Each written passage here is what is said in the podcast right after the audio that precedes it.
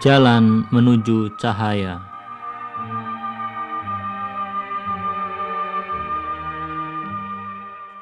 Bismillahirrahmanirrahim. Assalamualaikum warahmatullahi wabarakatuh.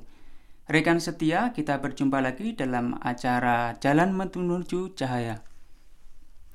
Pada saat ini mari kita dengarkan tafsir surat Al-Baqarah ayat 3 sampai ke 5. الذين يؤمنون بالغيب ويقيمون الصلاة ومما رزقناهم ينفقون Artinya, yaitu orang-orang yang beriman kepada yang gaib dan mendirikan solat, serta menafkahkan sebagian dari rezeki yang kami berikan kepada mereka. Al-Quran membagi alam wujud menjadi dua bagian, yaitu alam goib yang tak terjangkau oleh indera kita, dan alam nyata yang dapat kita raba dan kita ketahui keberadaannya melalui indera.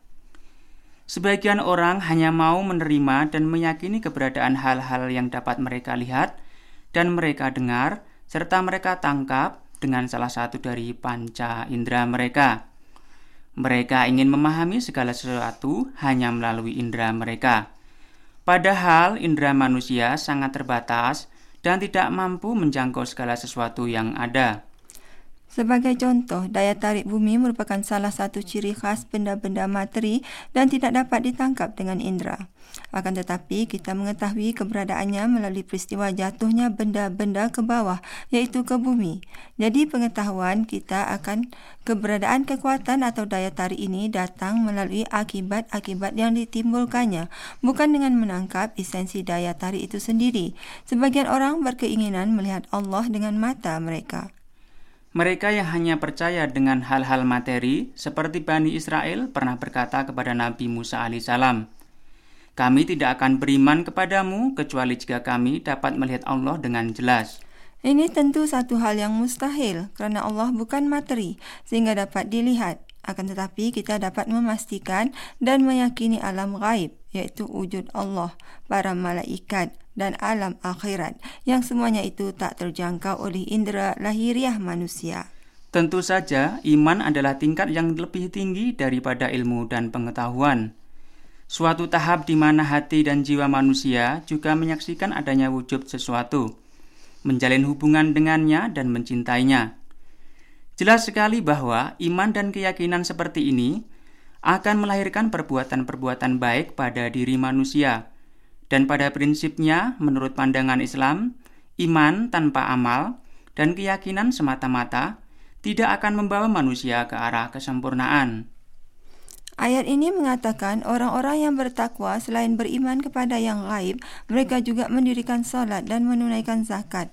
Dengan solat yang merupakan zikrullah, mereka memenuhi tuntutan-tuntutan ruhani dan jiwa mereka. Dengan itu mereka akan dapat memenuhi tuntutan-tuntutan masyarakat sehingga rakyat pun dapat merasakan kesejahteraan hidup sekadarnya. Sesungguhnya solat saja dengan sendirinya tidaklah cukup. Seseorang hendaklah menegakkan solat juga mengajak orang lain untuk menegakkan sholat.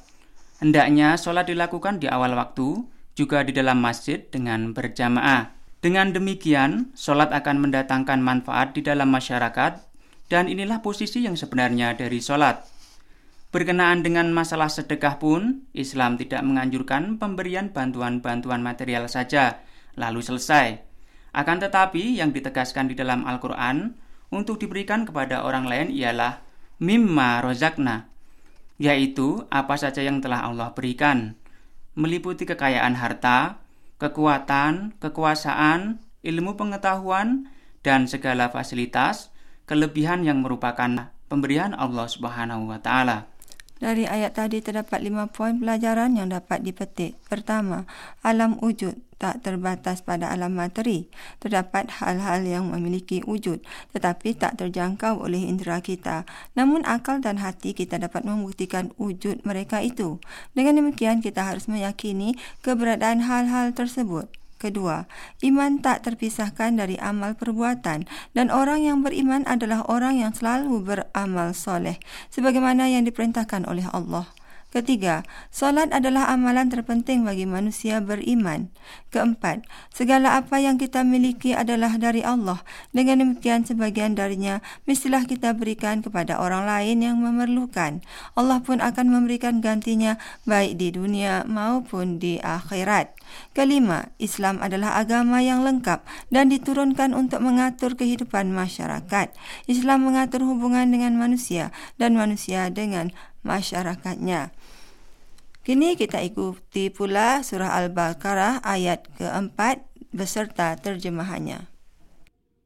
والذين يؤمنون بما أنزل إليك وما أنزل من قبلك وبالآخرة هم يوقنون Artinya, dan orang-orang yang beriman kepada apa yang telah diturunkan kepadamu dan yang telah diturunkan sebelummu dan mereka meyakini akan hari kiamat. Wahyu adalah salah satu jalan untuk mencapai pengetahuan, di mana orang yang bertakwa beriman kepadanya. Sebagaimana telah dijelaskan sebelumnya, jalan pengetahuan manusia tidak terbatas pada indera, dan bahwa terdapat suatu alam di balik alam materi ini yang telah dibuktikan keberadaannya oleh akal. Namun, akal tak mampu mengetahui alam tersebut secara terperinci. Untuk itulah, dengan menurunkan wahyu, Allah Subhanahu wa Ta'ala telah menyempurnakan pengetahuan kita. Akal mengatakan bahwa Tuhan yang kita sebut Allah itu ada dan nyata. Akan tetapi, wahyu menjelaskan sifat-sifat dan kekhususan-kekhususan Allah kepada kita. Akal mengatakan bahwa pengadilan harus ditegakkan untuk memberikan hukuman dan pahala kepada setiap manusia. Dan wahyu mengatakan bahwa hanya alam akhirat yang memiliki ciri-ciri semacam itu. Dengan demikian akal dan wahyu saling menyempurnakan dan orang-orang beriman menggunakan keduanya sebagai perantara mencapai pengetahuan yang benar dan sempurna. Wahyu bukan sesuatu yang khusus bagi nabi kita saja. Nabi-nabi dan rasul-rasul lain sebelum beliau pun menerima wahyu dan diajak berbicara oleh Allah. Dengan demikian, orang-orang yang bertakwa tak akan berkeras kepala menolak keberadaan para rasul sebelumnya dan hanya menerima kerasulan Nabi Muhammad Sallallahu Alaihi Wasallam. Mereka meyakini seluruh nabi dan rasul ilahi serta segala sesuatu yang telah diwahyukan kepada mereka. Alam akhirat adalah alam gaib yang hanya dapat dikenali dengan baik dan benar melalui wahyu. Oleh karena itu, orang-orang yang beriman meyakini keberadaan hari kiamat dan kehidupan akhirat berdasarkan Al-Quran. Mereka tidak menganggap bahwa kematian adalah akhir kehidupannya. Dari ayat tadi terdapat tiga poin pelajaran yang dapat dipetik. Pertama, semua nabi memiliki tujuan yang sama. Oleh kerana itu, kita semua harus mengimani seluruh kitab samawi. Kedua, umat Islam adalah pewaris kitab-kitab samawi sebelum Al-Quran. Oleh sebab itu, mereka mesti berusaha menjaganya. Ketiga, keyakinan akan hari kiamat mendapatkan manfaat yang amat banyak. Ia membuat dunia ini menjadi kecil di mata manusia, menjaga manusia dari perbuatan dosa, dan memberi arah serta tujuan yang benar pada perbuatan-perbuatan manusia. Saudara pendengar, marilah kita ikuti pula ayat kelima surah Al-Baqarah dengan terjemahannya. Ulaika ala hudam ربهم وأولئك هم المفلحون Artinya, mereka itulah orang-orang yang berada di atas petunjuk Tuhan mereka dan merekalah orang-orang yang beruntung. Ayat ini menerangkan akibat yang sangat mulia dan menyenangkan bagi orang-orang yang bertakwa, yang mana yang telah mencapai kebahagiaan tersebut karena mereka menerima petunjuk Allah dan selalu berjalan di atas petunjuk tersebut. Kemenangan berarti kebebasan dari hawa nafsu sekaligus peningkatan dan pengembangan keutamaan-keutamaan akhlak. Di dalam bahasa Arab, petani disebut fallah, yang pada asalnya berarti orang yang menang. Kata fallah memiliki akar kata yang sama dengan kata muflihun di dalam ayat kelima surat Al-Baqarah ini.